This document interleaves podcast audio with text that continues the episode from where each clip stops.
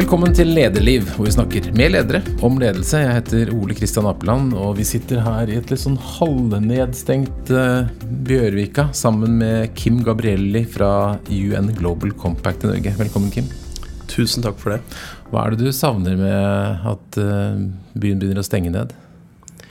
Altså Det jeg savner, er selvfølgelig yrende liv. Jeg bor jo på Grønland rett borti gata her, og der er det fortsatt nokså yrende, men ikke sånn som det pleier. Og en helt annen stemning, selvfølgelig. Eh, det er klart, det. Men eh, solnedgangene over eh, Oslo S er jo fortsatt Eller soloppgangen i denne tilfellet er jo fortsatt like flottest, og det var en fin start på, på morgenen.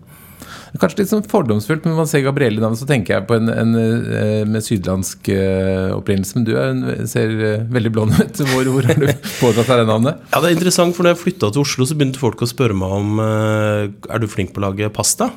og det hadde jeg aldri blitt spurt om. Men fordi på Nøtter og Tjøme så er dette ganske vanlig navn. Jeg hadde jo veldig mange tremninger, og min bestefar hadde tolv søsken. Så dermed så eller de var tolv søsken, så dermed så var det ganske vanlig. Men, men det er 200 år siden det kom til Norge et uh, fangeskip kom i forbindelse med Napoleonkrigene kom ut av uh, kurs og havna da i, uh, på Sørlandet. Ludovico Gabrielli som da gifta seg 1810 der. Og siden det så har navnet vært i familien. Var han fange eller sjømann? Eh, altså han, han, var fange, men det var nok litt sånn det var, i, som det ofte er i kriger, at eh, skillet mellom hvem som er god og slem og snill, det er nok ikke så lett å vite. Han var, eh, han var en italiensk eh, ung mann som var sendt ut av militæret av sitt land. Uh, ja. Så, Flott navn. Så vi var heldige med den, da, kan du si. Mm. du er altså leder for eh, UN Global Compact i Norge, eller FN Global Compact. Kanskje kan du ikke si kort hva det er for de som ikke kjenner det? Ja, så det er, eh, For det første så er det FNs organisasjon for bærekraftig næringsliv. Så, som en FN-organisasjon med et hovedkontor i New York. På liksom, som vi er vant til å kjenne FN-organisasjoner. Samtidig så er det verdens største medlemsorganisasjon for, eh, for bedrifter som vil jobbe altså enda mer med bærekraft og klima enn andre bedrifter. Med da 14 eh, 000 bedrifter eh, i hele verden. Eh, og i Norge så har vi da blitt, eh, siden vi starta Norgeskontor for to år siden, så har vi blitt 350 medlemmer. Og tredobla medlemmene. Så det er vi jo litt stolte av. Det er en av de tingene som vi gjerne snakker om. Så bra. Eh, vi skal høre mer om, vi må snakke mer om bærekraft, selvfølgelig, men jeg har lyst til å høre litt hvordan du har eh, kommet deg dit. Jeg ser av CV-en din du har gjort ganske mye forskjellig.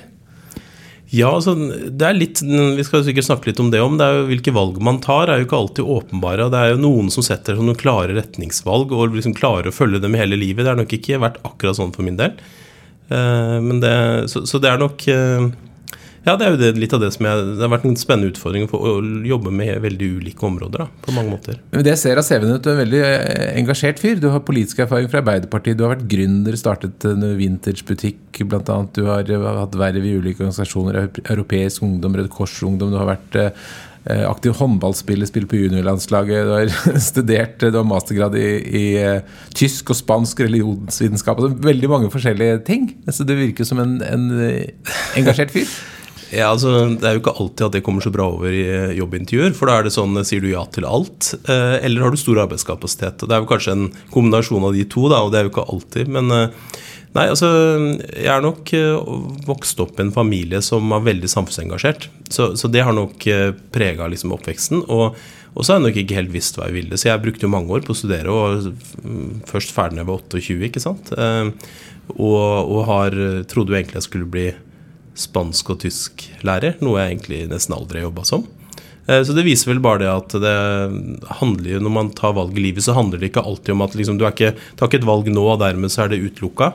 Eh, vintage design det var rett og slett fordi min partner som er lege, ikke fikk uh, legetillatelse i Norge. Det tok lang tid, og begynte å jobbe med det som en ny business. Og jeg hadde aldri vært interessert i design, så jeg fikk, har fått nå siden 2014. da, syv, ja, syv, snart åtte år med eh, design på hjemmebane som har gjort at jeg har blitt veldig interessert i det også. Eh, men jeg skal ikke ta, ta all æren for den butikken, for det er det min, min samboer som har eh, primært ansvaret for.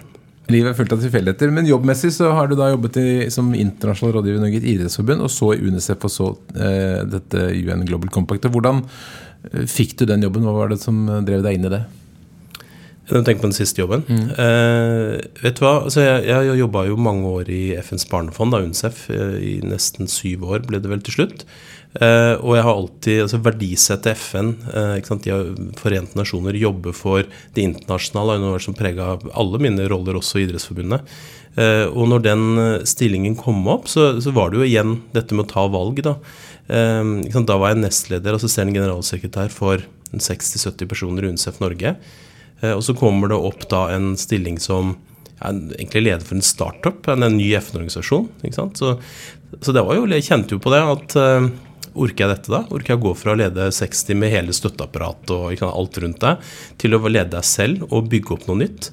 Uh, så det var et, et, et, et, valg jeg tok, men det var primært drevet av den verdimessige at jeg fortsatt ønska å jobbe med FN, og fordi jeg hadde veldig stor troa på at, at næringslivet spille en viktig rolle i det grønne og bærekraftige skiftet. Eh, og så var jeg jo litt sånn pirra av den ideen om at det er første FN-kontor som åpner i Norge siden 2002, og jeg har faktisk muligheten til å lede det. Så, eh, så sånn skjedde det. Eh, men igjen, det, jeg kunne jo valgt der å si at eh, jeg har en veldig god jobb nå. Eh, men det er nok kanskje noe av det som preger min hva skal vi si, gjerning, eller hva man kaller det. Eh, det er denne drivende til utvikling, videreutvikle organisasjoner og videreutvikle meg selv. Mm. Så det tror jeg liksom er en viktig ting i min uh, Men Hvem var det som hadde bestemt at uh, dette skulle starte opp i Norge?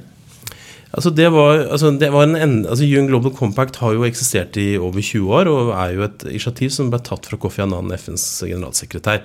Uh, og han, Hans håp for 20 år siden, eller 21 år siden var at dette skulle bli verdens største bevegelse uh, av bedrifter for liksom, samfunnsansvar, da, som det het den gangen. Uh, og han uh, tok, fikk jo da med seg de største bedriftene på laget. ikke sant? Sånn at noen av de største norske selskapene I dag er det 30 av de 40 største er jo medlemmer hos oss. Oljefondet, NHO, Innovasjon Norge osv. Uh, de, hadde de som allerede var medlemmer i 2019, eller 2018, hadde bestemt seg at vi trenger et bedre medlemstilbud her hjemme, kombinert med at det var noen endringer i organisasjonen som gjorde at det kom medlemskontingentene kom tilbake til Norge. Så det de gjorde da, var å ha en uh, først sånn uh, interimsstyre osv. fram til en ordinær generalforsamling da i 2019, og så ble jeg ansatt som daglig leder. Så det som er det, kanskje det aller beste med dette, er at uh, her har næringslivet tatt initiativ til et, eh, et, bedriftsnettverk og et liksom medlemstilbud, da, i tillegg til å være FN-organisasjon for dem. Og Det er veldig trygt og godt å sitte i. For det finnes jo mange eh, byråer og aktører som lager tjenester for næringslivet. Men her er næringslivet selv, med liksom NHO og Equinor og eh, sparebankene, Innovasjon Norge, i spissen sagt at de ønsker, eh, ønsker, det arbeidet vi skal ha på plass. Så det var et veldig godt startpunkt da, for, den, eh, for den lederoppgaven som det var eh, den gangen. Mm. Hva slags bestilling var det du fikk på bordet av styret? Hva skulle du gjøre? Altså, det var nok en todelt bestilling. Eh, på én side eh, hver, en, hver FN-organisasjon gjør det som FN-organisasjon, påvirkning mot myndighetene osv. Men ikke minst, da, det er det vi har hatt aller mest fokus på, eh, det er å skape et godt medlemstilbud. Hvordan altså vår, Vårt store oppdrag er å bidra til framtidas næringsliv. Så det betyr at vår rolle er å støtte bedriftene i at de blir mer bærekraftige og, mer klimavennlige. Eh, og der er det ekstremt mye å gjøre, men i 2019 så handla det nok mye om å fortelle historien om at det lønner seg å drive med bærekraft eh, og klimaendringer. Eh, det bildet har jo endra seg dramatisk på to år. Eh, hvor man da på en måte den gang var sånn Ja, det kan være bra for økonomien, det kan være noen businessmuligheter. Så, så det har nok eh, vært mye av, mye av jobben, er å snakke om liksom bærekraft som business. Eh, men nå ser vi jo en, kanskje en dreining mot at det, det, andre som er enda viktigere nå, er å hjelpe bedriftene å tilpasse seg nye regler, nye lover, EUs taksonomi og nye systemer for hva som er grønt og ikke grønt. Altså Der kommer det ekstremt mye. Så vi prøver å jobbe med begge deler. Medlemstilbudet deles i to. Hvordan gjøre bærekraftig business, helt konkret. Eh, og hvordan eh, tilpasse seg det nye regelverket som kommer, da, og kravene fra myndighetene og fra finanssektoren. Men utgangspunktet deres det er FNs bærekraftsmål? Det er utgangspunktet vårt. Eh, og i, sant, i bærekraftsmålene så ligger det jo også en link til klimaavtalen. Så, eller klimaavtalen i Paris og Glasgow. Eh, så det er jo det som, eh, som, er Når man melder seg inn hos oss, så forplikter man seg til det. Men også til det som heter de ti prinsippene for et ansvarlig næringsliv. FNs ti prinsipper. Og det handler da om fire områder som er veldig sånn gjenkjennbart. Arbeidsliv, menneskerettigheter, miljø og klima og antikorrupsjon. Og det er noe som eksisterer for før eh, bærekraftsmålene. Men eh, dette henger jo nøye sammen. og, og jeg tror at veldig mange av de norske, altså våre medlemsbedrifter, som jo fortsatt da bare er rundt 350 eh, av liksom, Det er jo eh, mange hundre tusen bedrifter i Norge. Eh, er jo veldig framoverlent på dette da, og vil ta et ansvar. Men alle sier jo nå at de skal drive bærekraft. Det er mye snakk om bærekraft. Det skrives mm. rapporter og websider og artikler og sånt. Men hvordan er det med handling? Altså, det gjøres veldig, veldig mye bra nå. Og det gjøres veldig mye på det industrielle. Eh, og Mange nye næringer osv. Eh, vi mister 90 000 arbeidsplasser i olje og gass fram til 2030 i Norge. Samtidig så skaper vi omtrent like mange, hvis vi tar de riktige grepene, ifølge Sintef. Ehm, så det varierer veldig. Og det er det vi ser, at noen av de aller største har eh, liksom, mange ansatte, flinke osv. Men kanskje er det en vanskelig liksom, Det er en stor utfordring ved Equinor, dette. Om de vil aldri så mye, så det er klart det er en utfordring. Eh, samtidig så ser vi at hvis vi ser på tallene, da, og det er jo det som er litt fascinerende For en ting er hva du sier, og hva du ønsker å gjøre, og som du kanskje får til om noen år. Hvis vi ser på de 100 største selskapene i Norge eh, så, på børsen, så eh, har jo da PwC sett på en sånn rapport, Bærekraft 100, og da sier de jo at eh, hvis du ser nærmere på tallene, så er det fra altså, fra i fjor, så er det bare 6 av 100 som klarer faktisk å redusere klimautslippene altså Hvis du skal se på impact-resultater som er så inn nå, ikke på mm. aktiviteter, som er bra dreining i, i, hvordan vi tenker, så er det klart at der er det et stykke å gå. Men det, det skjer veldig mye nå. Det skjer veldig mye positivt. Og, og politikeren kommer etter i Norge, eh, nå også i enda større grad enn før.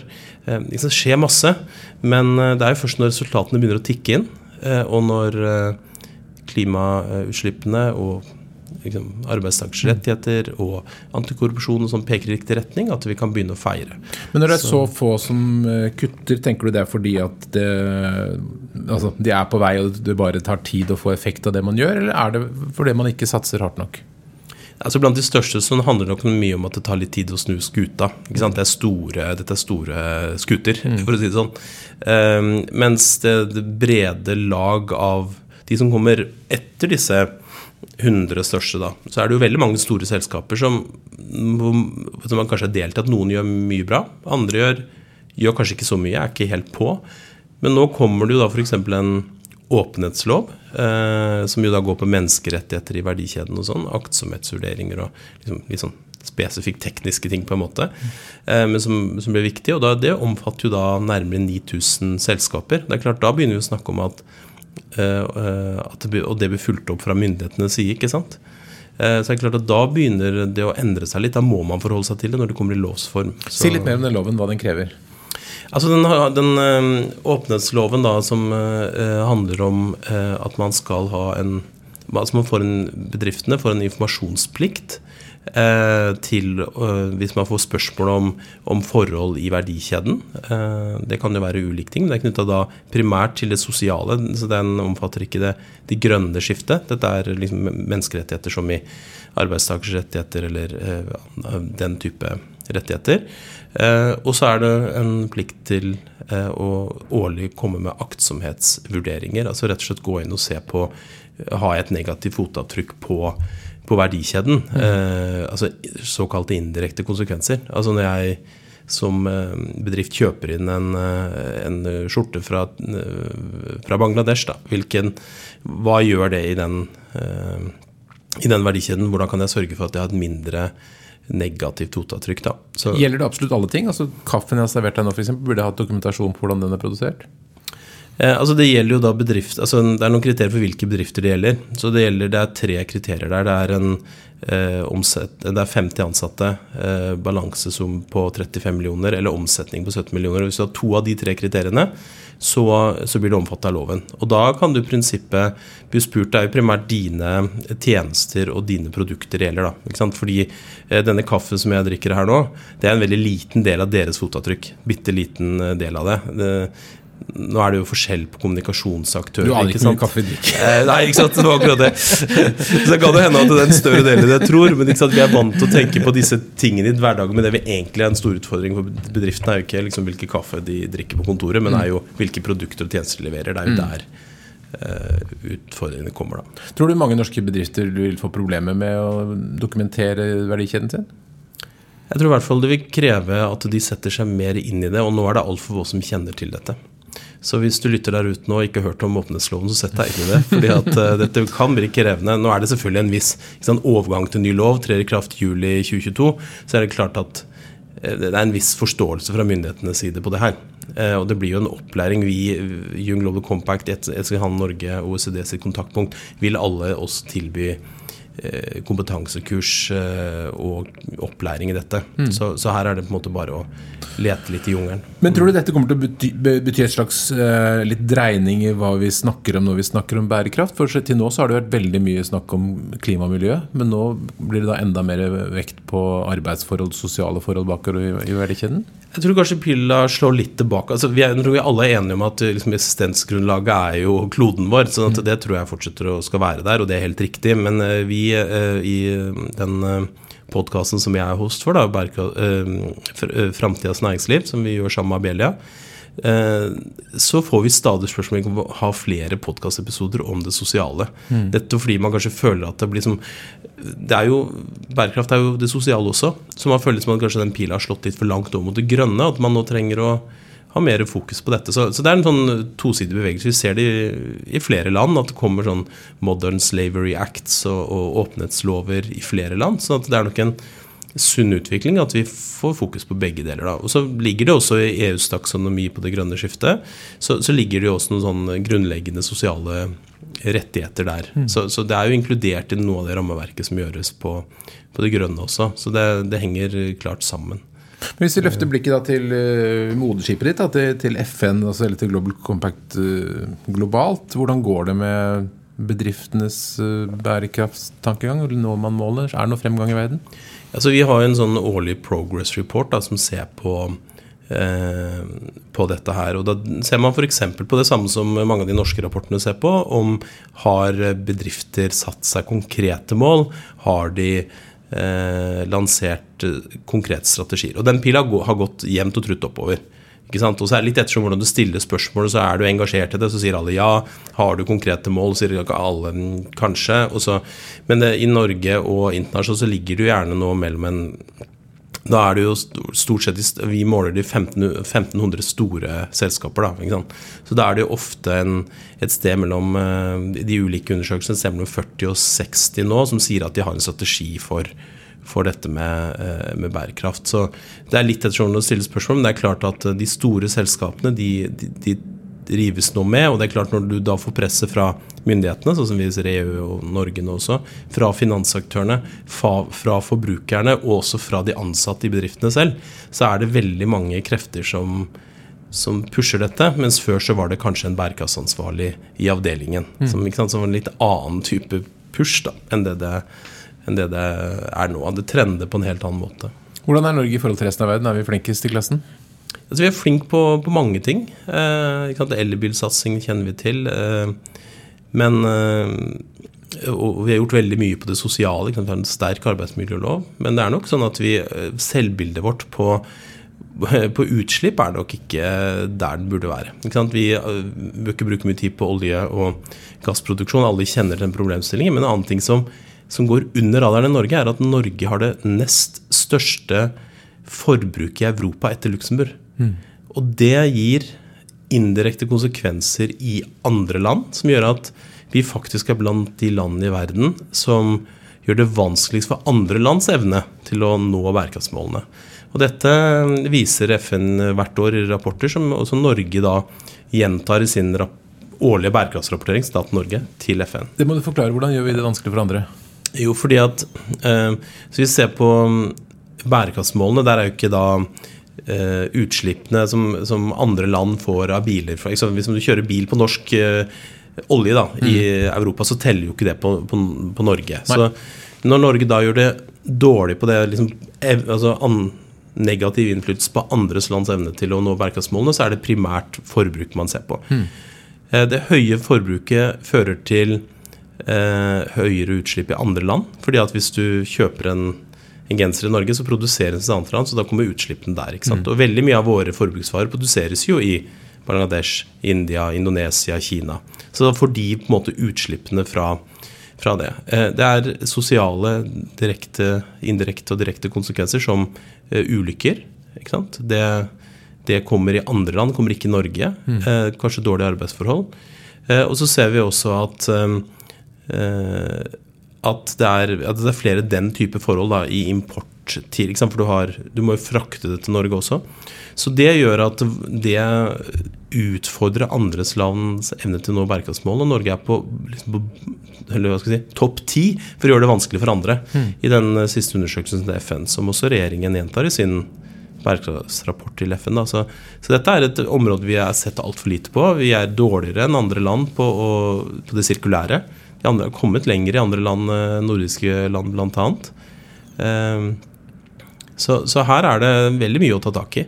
Så bruker vi veldig mye strøm. Vi bruker jo dobbelt så mye strøm som svenskene. eller noe sånt. Det er veldig, det er veldig høyt. Altså, fordelen vi har, er jo selvfølgelig at uh, Dette er jo paradokset at vi, vi, kan ikke, vi, kan ikke, kutte i, i, altså i utslipp i strømforbruket vårt, for det er jo grønt allerede i stor grad.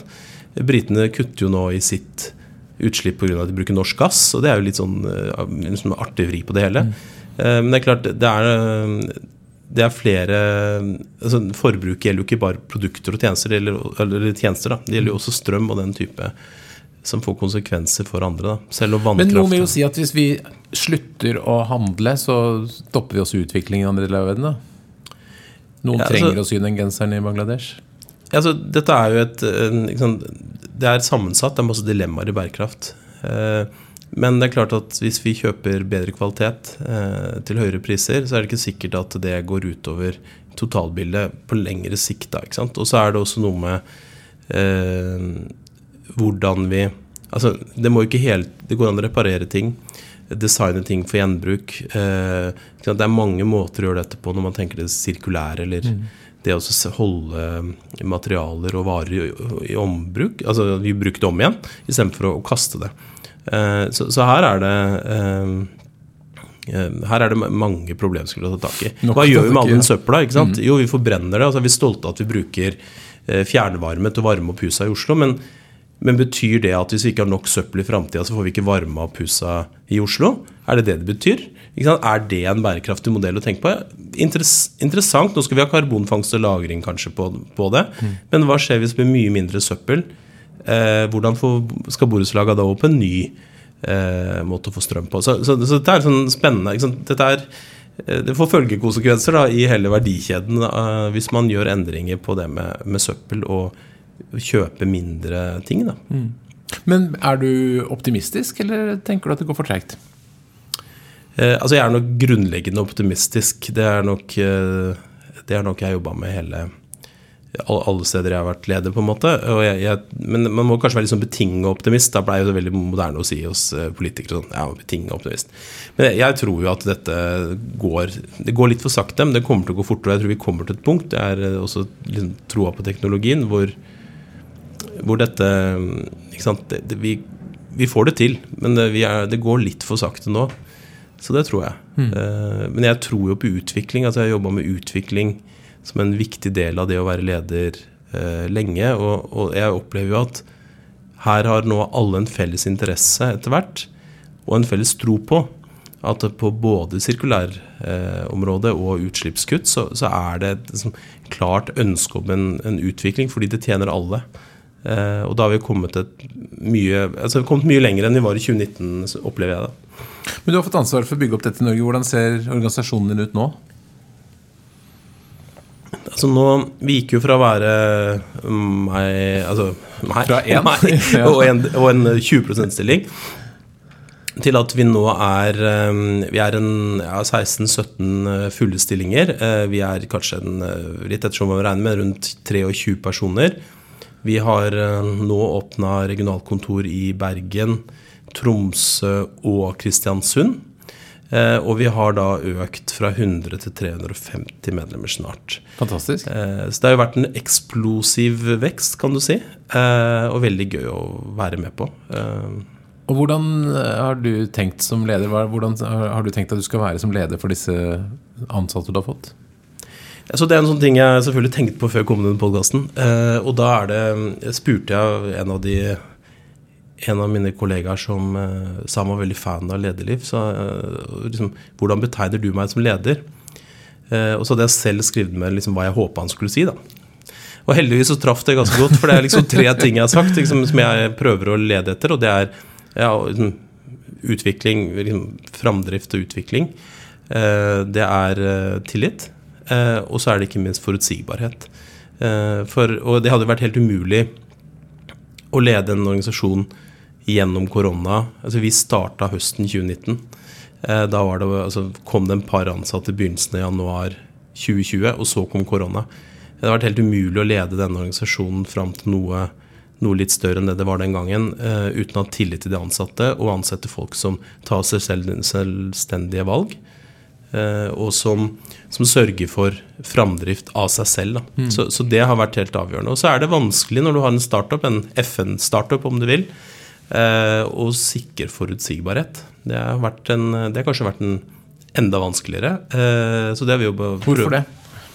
Jo, for eksempel, vi hadde lite, lite inntekter. Mm. Så hvordan ansetter du de flinkeste folka i Norge hvis du ikke har penger til å betale liksom, gode lønninger?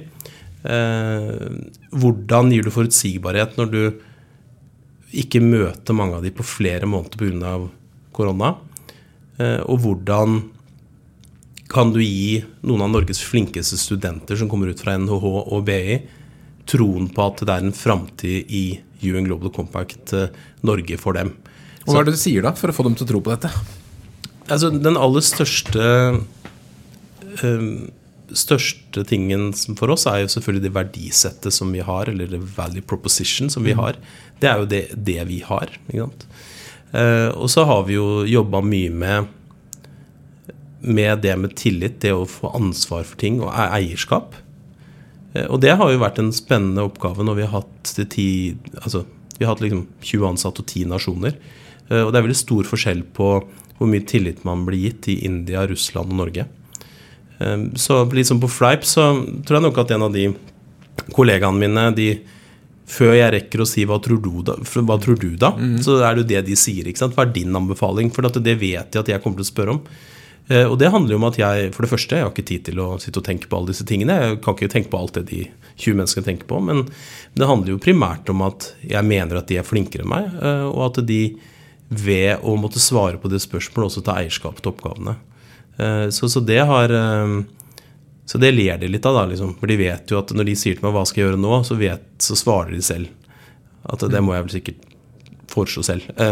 Og, det tror jeg er viktig. Så, så vi har jobba mye med det. og så har vi jo stadig blitt eh, eh, mer modne. Vi har eh, ansatt veldig dyktige tre avdelingsledere etter hvert, eh, som også sørger for at vi får inn mer penger i medlemskontingenter, mer penger i, i søknadsordninger fra det offentlige, mer inntekter fra spesiallagde medlemsaktiviteter, som gjør at vi nå faktisk også begynner å ansette noen litt mer erfarne i organisasjonen. Mm. Eh, men jeg er fortsatt den, den eldste, med 41. Eh, og det er jo litt uvant eh, å være det. Eh, men det er jo et vanvittig driv når du har to avdelingsledere på 25. som er på et helt annet sted enn jeg var når jeg var 25. og i tillegg har liksom NHH-økonomer og samfunnsvitere fra, fra, Universitetet i Bergen som kommer rett ut av studiene og liksom bare griper denne muligheten til å jobbe i en FN-organisasjon med hud og hår. Så, så, det har vært en kjempespennende reise. Um, nå begynner vi å liksom gå fra å være en startup til å bli litt mer etablert organisasjon. Og det kjenner jeg at det er godt, på en måte. Hva var den største forskjellen fra å gå fra å være liksom i ledelsen på en ganske stor organisasjon, til å være liksom lederen for en mindre organisasjon? Være den administrerende? Altså Det som jo var spesielt her, var jo det at um, når vi starta, så så hadde jeg styre som var større enn administrasjonen. Eh, men også et styre som ga mye tillit. Som gjorde at jeg fikk jo liksom Jeg hadde noen klare tanker om hvordan vi skulle gjøre dette. Og det fikk jeg prøve ut. Og det er jo ofte sånn Når du er i en, en, annen ledelse, så må du diskutere dette med de andre lederne, og sånn, og det har en veldig stor verdi i seg selv. Men her var det på en måte sånn Ok, nå kjører vi dere. De som vil være med, de hopper på. Og det var en veldig sånn Det var en gøy øvelse. ikke sant? Det også få bygge opp noe nytt. Og så å, gjøre feil og, og, og, gjøre bra ting. Og så ser jeg da at vi liksom Vi hadde en ambisjon ikke sant, om å, å komme ut der som små og mellomstore bedrifter holder til, altså der ute i Norge, og se at vi nå har tre regionalkontorer, antageligvis to til i løpet av neste halvår. Det har vært en fantastisk reise. Og det er jo fordi at styret lot meg få lov å liksom bare si nå må vi, vi må bare kjøre på. Så, så, det var virkelig en sånn eh, litt sånn eh, risikosport, ikke sant. Mm. Jeg kunne jo tatt fullstendig feil og kunne vært at vi mista medlemmer. At ikke vi klarte å levere på budsjettet. Eh, men det klarte vi altså. Eh, så det så det har vært en spennende reise. Gå fra den der klassiske ledergruppa hvor du må diskutere deg fram, og så finner du fordi alle de andre stegene er gjort før. Mens her var det liksom eh, et ganske altså de la, Styret kom jo med et slags strategi, men den var jo veldig åpen. ikke sant? Så jeg fikk jo lov til å, innenfor de rammene som var ganske åpne, så fikk jeg jo lov til å sette veldig stor preg på det sjøl, og det har vært veldig gøy. Og En del av jobben har vært å skaffe medlemmer. Hva er det du lover bedrifter som har lyst til å bli medlem hos deg? Hvor er det du selger på? Altså Nå er det jo eh, egentlig ganske fint, for nå tilbyr vi det antageligvis det, i hvert fall et av de mest eh, altså, eh, si, mest ambisiøse treningsprogrammene eller kompetanseprogrammene for bedrifter i Norge. Så det er jo nå er det trygt og godt å gå ut. Vi har mange gode kompetansemuligheter. Fortell litt om det. Ja, F.eks. Så, så tilbyr jo nå snart kurs i denne åpenhetsloven som jeg snakka om. Mm. Eh, vi uh, har uh, kurs i hvordan sette såkalte vitenskapsbaserte klimamål. Så må man da får godkjent sine mål opp mot Parisavtalen. Eller opp mot 1,5 grader og Glasgow-avtalen. Um, vi har innovasjonsprogram Uh, hvor vi setter 30 aktører sammen, mm. f.eks. på havområdet eller på sirkulærområdet, eh, eller sirkulære prosesser. Så vi har en rekke av den type. hvor vi bringer da, Noen steder så er det på en måte bare ti bedrifter som går sammen, eh, og, og, gjør dette da med kanskje 13 andre land i UN Global Compact System, så du får den internasjonale komponenten. Um, så, så vi, vi, ser nok at, at den der liksom, trening av innovasjons kompetansehevinga som vi tilbyr, den er veldig viktig for medlemmene. Mm. Men når vi spør dem om hva er det viktigste med UN Global Compact for deg, så svarer de tre tingene som varer et rapporteringssystem. For det får du jo som, du må jo rapportere som medlem, hvis ikke så blir du jo kasta ut. Eh, nummer to, du, disse aktivitetene, da, medlemsaktivitetene. Og ikke minst så er de opptatt av å få kunne delta på internasjonale aktiviteter i forbindelse med FN, eh, ulike FN-aktiviteter. Mm. Så liksom det bransjeoverskridende arbeidet da er jo er viktig både i det globale og i det nasjonale. Så, så, det, er, eh, så det er lettere å gjøre det nå enn, enn å selge UN Global Compact høsten 2019, hvor vi ikke hadde noe å tilby. Det er godt å komme litt videre. Men det er jo stor konkurranse. Det er mange som vil være synlige på bærekraftsområdet av organisasjoner og bedrifter og alt mulig rart. Opplever du at du får den oppmerksomheten, eller er det vanskelig å få oppmerksomhet? Ehm, jeg, tror at styret kanskje løfta på det ene øyebrynet når den første ansatte var en kommunikasjonsrådgiver. Ehm, det ser veldig klokt ut. dette har du sikkert forståelse for, men, men, det er akkurat det. Vi har jobba veldig mye med å bli gode både digitalt og kommunikasjonsmessig, så, så jeg opplever at vi har etablert oss veldig godt. Ehm, og så jobber vi tett med mange av de andre aktørene. Vi er ikke en aktør for de få. Vi er en aktør for de mange. Vi er en FN-organisasjon som jobber med andre partnere. Og det er derfor vi også fra dag én har lagt opp til å, å, etablere oss i hele landet. fordi det er der bedriftene fins. Altså, de mm. finnes selvfølgelig i Oslo også, men vi må ut og vi må uh, snakke med bedrifter der de er. Uh, så, så, det har vært viktig. Både den kommunikasjonsbiten, partnerskapet og ikke minst den regionale eller desentralisering av organisasjonen. Mm. Det har vært de tre strategiene vi har valgt. Og jeg opplever at det slår an, men det betyr jo ikke at den jevne mann i gata har hørt om oss eh, enda. Men mange flere har hørt, hørt om oss nå enn i, enn i 2019. Mm. Er det noen bransjer som du trekker frem som er spesielt flinke? Altså Det er helt klart at det er noen bransjer som uh, har kommet lenger enn andre. Altså som, og Det ser vi også på bransjeforeningen til NHO, eller landsforeningene. da, ikke sant? Sånn som Byggebransjen har gjort mye. Uh, og de står jo for veldig mye utslipp òg? Ja, de gjør det. Mm. Uh, og så kan de på en måte ikke altså Du får ikke flytte Huset kan i mindre grad bygges andre steder enn i mm. Norge, da, mm. så, det, så, de må gjøre noe, på en måte. Og så er det jo selvfølgelig Hav, eh, havbransjen i Norge har gjort mye. Noen av de har større utfordringer enn andre, men de, har, de, er veldig flinke til å samarbeide på tvers av eh, liksom, Fra liksom, sjømat til havvind til eh, shipping. Og så tenker jeg at finans har De har gjort mye, men sammenlignet med noen av de andre landene så er det fortsatt mer å gjøre. Tenker, vi, men vi ser jo at det reflekteres også i vår medlemsbase. At vi ser at at både byggebransjen, men særlig finans- og havbransjene, havnæringene, de er jo overrepresentert i våre, eh, i, i, blant våre medlemmer. Da. Hvilke bransjer skulle du ønske deg mer eh, engasjement fra? Hvem burde våkne? Jeg, jeg vet ikke om det er liksom skal peke på én bransje der. Det er noen bransjer som er, liksom, er mer krevende for, for noen.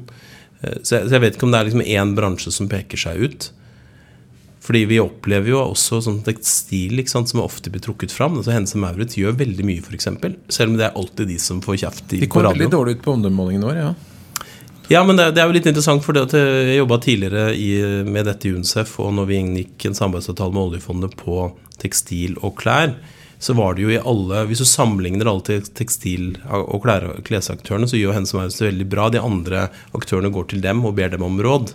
Eh, men det er en veldig utsatt bransje og masse å gjøre fortsatt.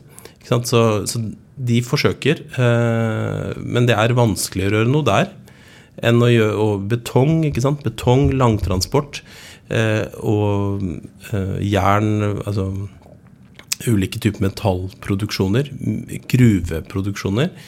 Det er krevende. Eh, men vi kommer til å trenge masse mentaller eksempel, framover. Vi kommer også til å trenge klær, vi kommer også til å trenge betong. Så hvordan får vi med de grå aktørene som er grå i utgangspunktet, til å bli slags grågrønne. Da. De som ikke har det, Finans har det relativt enkelt denne forståelse at de selv ikke har noen utslipp. De kan pålegge andre å ha mindre utslipp. Og Sånn er det jo også i noen bransjer at du Det er liksom lett å bli grønn, da, mm. sammenligna med, med, sånne tunge aktører da, som bygg og, og betong eh, og, og stål, f.eks. Så, så hvis vi får med de, eh, det tror jeg blir veldig viktig. Mm. Hva er det du grubler mest på i jobben din? Hva er det du syns er vrient? Nei, altså Jeg, jeg tror den uh, balansen mellom å for, for, for, det er viktig Når man er på Arendalsuka, så, så tenker man denne uka her har UN Global Compact med våre medlemsaktører hatt 16 arrangementer. ikke sant? Kjempebra. Alle medlemmene er fornøyde, alle har prata om det og sånn og så blir, blir, man jo ja, For man er nødt til å snakke om det. Man må snakke om det. Man må diskutere det. Men så er jeg også en person som er veldig opptatt av konkretisering. Og jeg grubler ganske mye på hvordan klarer vi å få til den konkretiseringa uten at det blir for smått for de øverste, for topplederne. Mm. Ikke sant? Fordi det er en sånn Du kan sende signaler i organisasjonen din, eh, eller i, liksom nedover i konsernet, men hvordan får du til hvordan får du vekt opp de da, som nå sier at jo da, vi, vi snur oss mot det grønne skiftet, men vi er ikke blant de seks som har kutta uh, utslipp det siste året. Hvordan får vi til det? Det grubler jeg mye på. fordi at det er veldig mye løfter der ute nå. Det er veldig mye uh, reelle, gode strategier. Men hvordan får vi til den konkretiseringa, og ikke snakker om liksom, handlingens tiår, men snakker om noe så kjedelig som konkretiseringens tiår. Mm. Uh, og det er nok grunnen til at vi har venta litt med å ha masse aktiviteter for toppledere. og sånn. Nå skal vi han begynne litt med litt mer aktiviteter og konkret som er kobla til prosesser, eh, politiske prosesser som starter neste år. Men det er litt det som, Når får vi til den konkretiseringa? Det syns jeg er en sånn spennende, spennende tema. Mm. Og litt, litt vanskelig. For når er det stort nok? Når er det for lite? for topplederne for å få det gjennom hos seg. Da. Tenker du at pandemien har satt bærekraftsarbeidet tilbake på en måte? Jeg, jeg, tror vi må dele det i to. Fordi at eh, da jeg jobba i UNCEF, så sa vi alltid at vi har halvert barnedødeligheten, vi har halvert ekstrem fattigdom i verden fra 1990 til 2015. Og det har vært riktig tall, liksom det har gått til riktig vei siden 1990.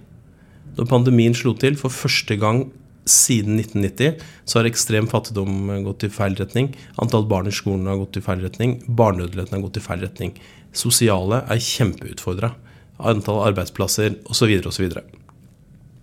Samtidig så ser vi jo at det er Om det er utelukkende pandemien, eller om det ligger andre drivere bak, eh, er nok, vet vi jo ikke helt, da, men vi ser nok at det grønne skiftet har fått et uh, push da, gjennom pandemien. Og det tror jeg er en trend som kommer til å, å, gå, fortsette videre.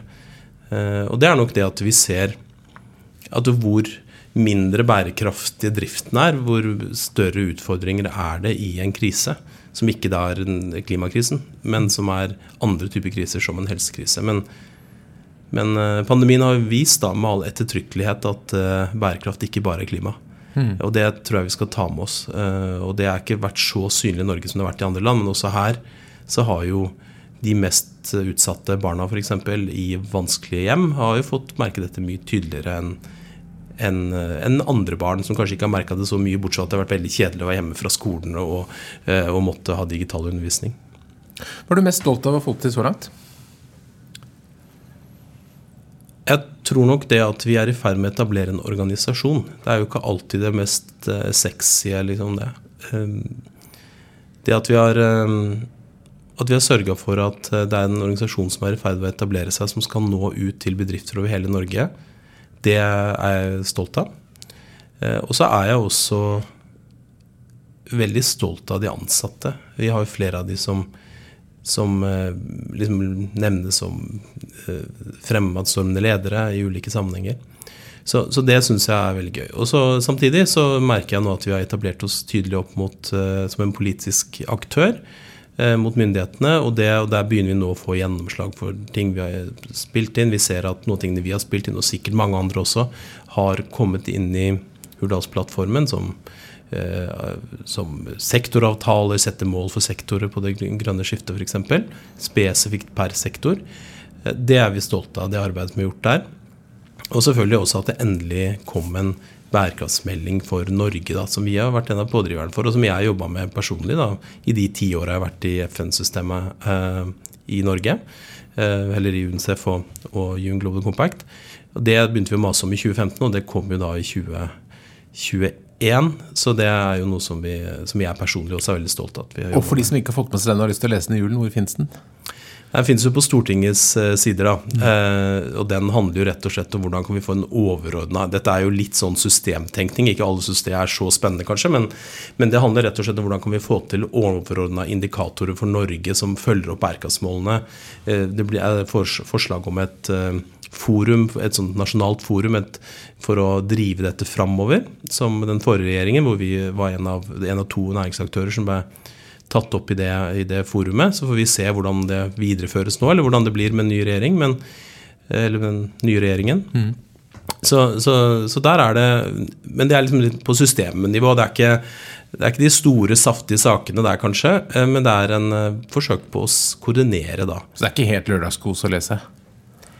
Altså Hvis du er nerd, så er det nok det. Hvis du hører på denne podkasten, kan godt hende det er det. Men, uh, ja. Til slutt, Kim, Hvis det kommer en ung person til deg og vil bli leder, hva er de tre beste lederrådene du vil gi? Um, så jeg var jo leder liksom allerede da jeg var 14 år som håndballtrener. Mm. Eh, og jeg tror at det som eh, Mange kjenner nok på det. Jeg har jo hørt andre i lederliv også si det at de har vært eh, elevrådsledere og sånn. Ja, det viser seg ofte ja. tidlig, ja. ja ikke sant? Det viser seg ofte tidlig. Så ikke vær redd for å bare liksom, tørre å ta den rollen. Det, det faller deg kanskje naturlig. Og hvis ikke de gjør det, så allikevel tør. Det handler om å tørre. Mm. Det tenker jeg det er det, det, aller første. Og så tror jeg det andre er det som vi snakka litt om i stad, og det er eh, hvordan hvordan tar du valg, da? Det er ikke sikkert det at det er å sette seg liksom, og bli statsminister som er, som er, det sannsynlige valget, men tør å ta valg når du kommer til sånne eh, Altså når du kommer til veikryss, på en måte. Det er jo det jeg gjorde. Jeg turte å ta et valg bort fra Unicef, så var det trygge for meg. Tør å ta utrygge valg. Mm.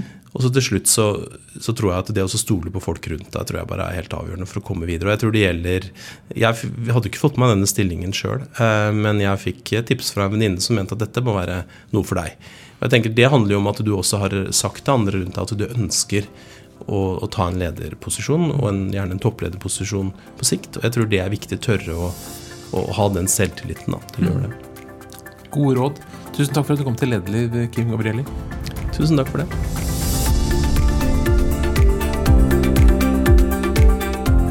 Lederliv er en podkast fra kommunikasjonsbyrået Apeland. Vi legger ut nye episoder hver eneste fredag. Vi tar gjerne imot tips om eh, ledere som du syns fortjener en plass eh, her i Lederliv, eller eh, ros og ris hvis det er noe som er bra eller dårlig. Og vi liker også stjerner på nettleseren eller hva det heter for noe, der man har podkast.